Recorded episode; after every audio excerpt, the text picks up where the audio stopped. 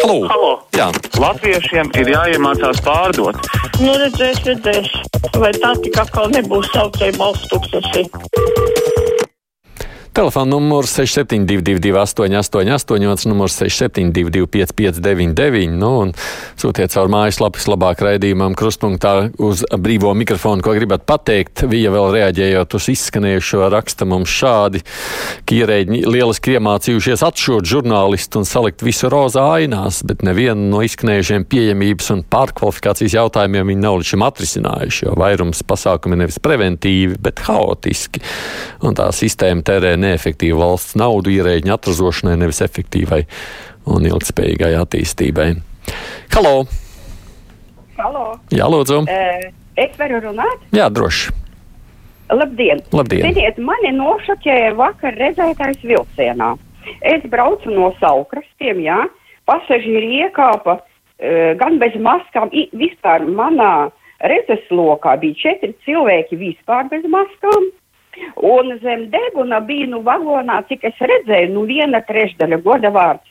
Bet uh, ko darīja konduktore? Viņa mierīgi izdeva biļetes, pārbaudīja biļetes un pat nevienam neaizrādīja. Nu, tas ir šausmas. Kāpēc mm. tā? Nu, man jā, Vai viņa drīkst apkalpot bez uh, maskas? Viņš nedrīkst to darīt. nu, man jāatzīst, es braucu ikdienā vilcienā un es redzu to ainu. Tā tas arī ir. Es pieļauju, ka šie konduktori sen ir apnikuši jau atgādināt, un viņi tiešām nemēģina neko darīt. Ļoti līdzīga aina bija šodien arī man vilcienā, tieši tāda pati. Tajā brīdī, jau, kad pārdod biļeti, vēl uzliek to masku, bet pēc tam noņem.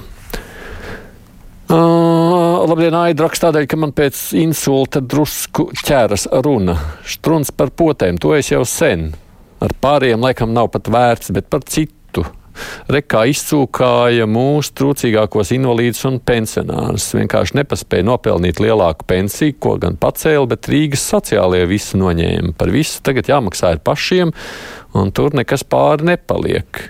Ušakau laikā vēl bija GMI 128, kas arī nav daudz, un ar jaunu gadu mūsu mīļā nacionālajā pakluso arī to noņēma. Atstāja kā visiem slaistiem 109. Forši vai ne? Varbūt būt, ka vērts Rašmanu kungam palūkst uzrakstīt mazliet sīkāk, iespējams, ka viens temats, par ko mums būtu vērts kaut kad pievērsties plašāk.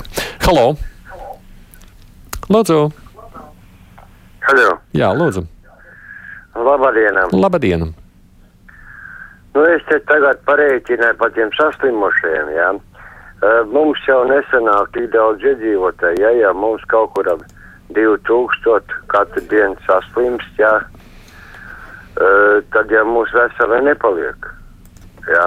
Mums vispār Latvijai ir tikai uh, miljons un, un 902 iedzīvotāji. Tad, ja pēc četriem mēnešiem ja mēs tādu statistiku, es tai statistikai neticu. Es jūs saprotu, jā, jū, jums noliek priekšā rakstiņu. Nē, bet, un kungs, jūs kā kungs, tas, ko jūs sakāt. Jā, nē, tas, ko jūs, tas, ko jūs sakāt, Jā. jums ir pilnīgi taisnība. Tā tas arī ir. Un tā jau arī tie aprēķini rāda, ka visticamāk, ja mēs iesim šādā veidā uz augšu, nu, ap janvāra, februāra situācijai vajadzētu noteikti uzlaboties, tāpēc, ka, nu, vai nu būs izslimojuši, vai būs vakcinējušies. Tā problēma jau ir tāda, ka jāpārdzīvo līdz tam janvārim mazliet vairāk. Un tajā brīdī, kad ir ļoti daudz saslimušo, no tad slimnīcas vairs galā netiek. Tur jau ir tā problēma.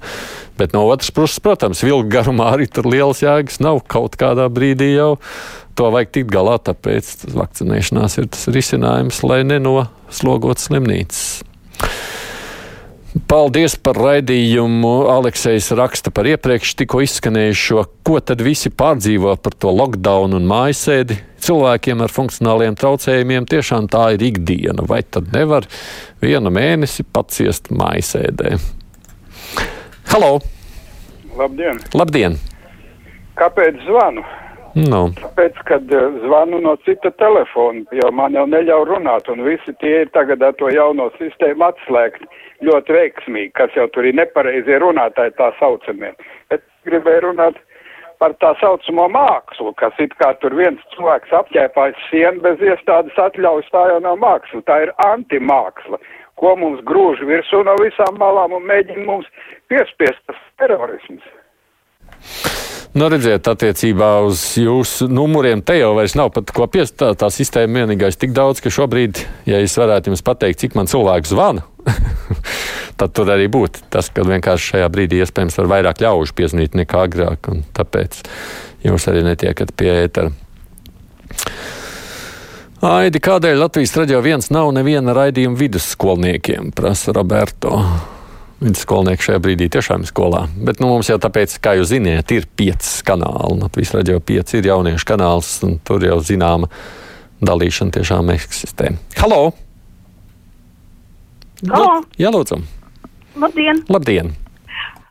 Tā es ne par Covid, es par šito skaistumu kopšanu. Nu, Taču iet visa ēna ekonomika, viss strādā legāli, nelegāli. Jā, kad uh, es 16 gadus vadīju uzņēmumu, un tad arī nāca visu laiku kontrolis, sa, nu, sanitārā inspekcija, valodu inspekcija un viss kaut kas. Bet uh, meitenes paņem koferīšus, instrumentus un aizbrauc uz kāzām, uz nu, mājām un visus nu, apkalpo mājās vai māja, nu, brauc uz mājām. Mm -hmm. un, un tagad arī taču visi ir sapucējušies un visi nu, atrod, kur atsakot uz mājām vai nu, piebrauc uz. Un, un, un viens jauks tas uh, žurnālists vienreiz teica, un izrādās, ka nu, iepriekšējais, ka bija aiztaisīja salonus ciet, tad teica, izrādās, ka Levitam arī divu mēneši mati neauga. Un viss. Par Levitu es vairs neatceros, protams, kas bija toreiz, bet tas, ka brauc pa mājām, nu tā tas ir. Tur jau jums ir taisnība. Šis nav nekāds nedz jaunums, nedz noslēpums, un tas ir, ar ko jārēķinās jebkurā brīdī kaut ko aizvarot. Nu, te var vienīgais. Es pat nezinu, ko var. Tur var tikai apelēt pie tā, ko nu katrs savā brīdī zināmā mērā laikam riskē vai arī nu, kā, domā par sabiedrības kopējo labumu. Ne tikai vilcienos, arī Rīgas tramvajos liela daļa vizinās ar maskām zem zoda. Sevišķi saules bērni, klaidoņi un zelta jaunatne ap 15, 20 gadiem, raksta Viktors. Tā tas ir. Halo! Halo! Jā, labdien! Uh, es jau par to norunāju, Covid tēmu, bet varbūt kādam aizķersies. Man draugu lokā arī ļoti daudz cilvēku ir, kas ir pret vakcīnām dažādiem iemesliem dēļ. Un tad konkrēti pāris dienas atpakaļ vienam no tādiem cilvēkiem, tad, viņam bija jāizoperē apendicīts. Un uh, problēma bija tāda, ka slimnīca bija šausmīgi noslogota un viņš nevarēja tikt laicīgi uz operāciju. Viņam nācās gaidīt vairākas stundas. Tagad tā operācija ir notikusi. Tad, lai gan pirms tam viņš bija ļoti izteikts antivaksers, tad šobrīd viņš saprata to lielāko problēmu, ka, ja tu kā arī kuru citu kaitu aizvāc uz slimnīcu, to vienkārši nav fiziski iespējams saņemt laicīgi un ātri to pakalpojumu, pie kā tu esi aizbraucis. Un tad viņš arī teica, ir nolēmis vakcinēties. Mm. varbūt šiem klausītājiem, arī, kas klausās, kas ir ļoti pret, varbūt aizdomāsies, ka tā problēma jau nav tajā, vai jums būs tas čips vai nanoboti vai neko, nu katrs ir izdomājis. Bet tas, ka vienkārši jūs nevarat aizvest savus bērnus uz slimnīcu, viņus nepieņem, jo vajag testu, jūs nevarat dabūt savas operācijas, vai jūs salauzīsiet kāju, jūs tur sēdēsiet vairākas stundas, līdz kāds pie jums pienāks. Nu, tā jau ir. Nu, reizēm jau kamēr mēs paši to nepiedzīvojam, nesajūtam, man arī tieši vakar stāstīja pazīstami cilvēki, ka ir vedusi savu mm, nu, pieaugušo dēlu uz slimnīcu, tāpēc, ka ir slikti bijis. Bet, uh, pēc dažām stundām atvedus atpakaļ, tāpēc, ka austrumu slimnīcā tā rinda bijusi tik gara.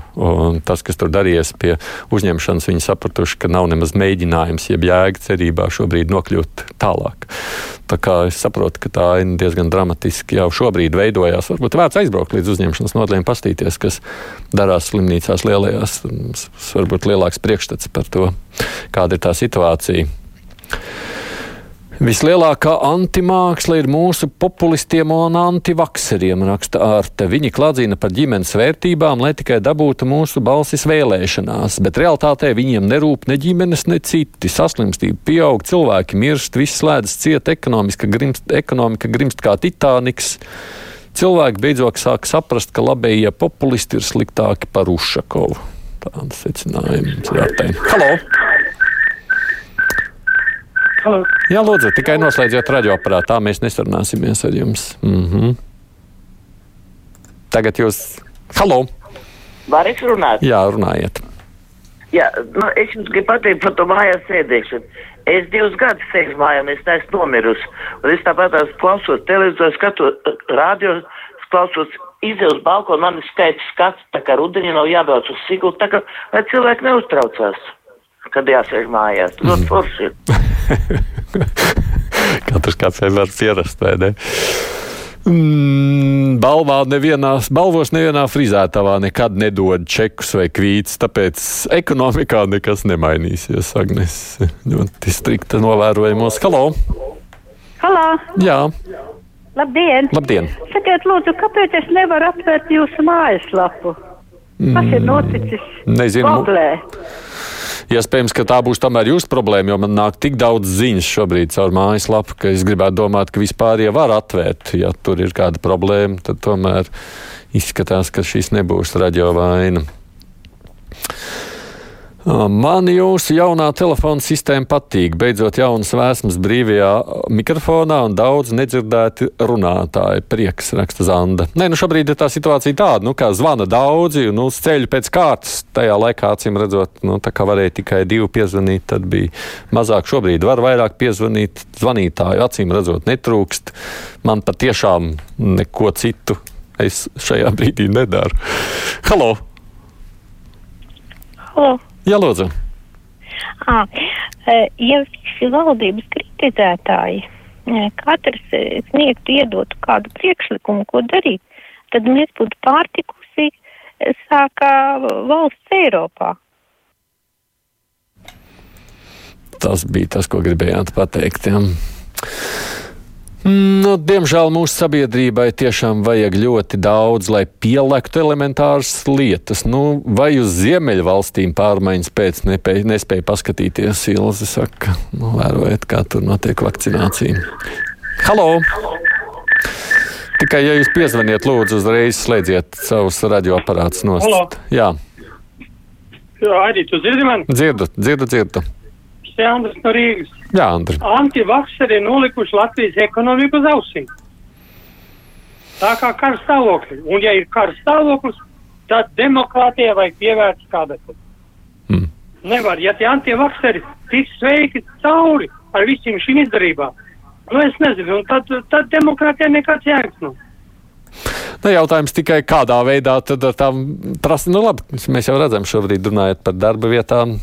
Tā tas ir pašlaik, lai gan tur arī, kā jūs redzat, daudziem ir savas cīņas. Paldies visiem, kas rakstījāt vai zvanījāt. Būs brīvais mikrofons atkal cita diena, bet tagad priekšā ziņas, nu, un pēc tam studijā būs autotransporta direkcijas vadītājs. Runāsim par tādām lietām.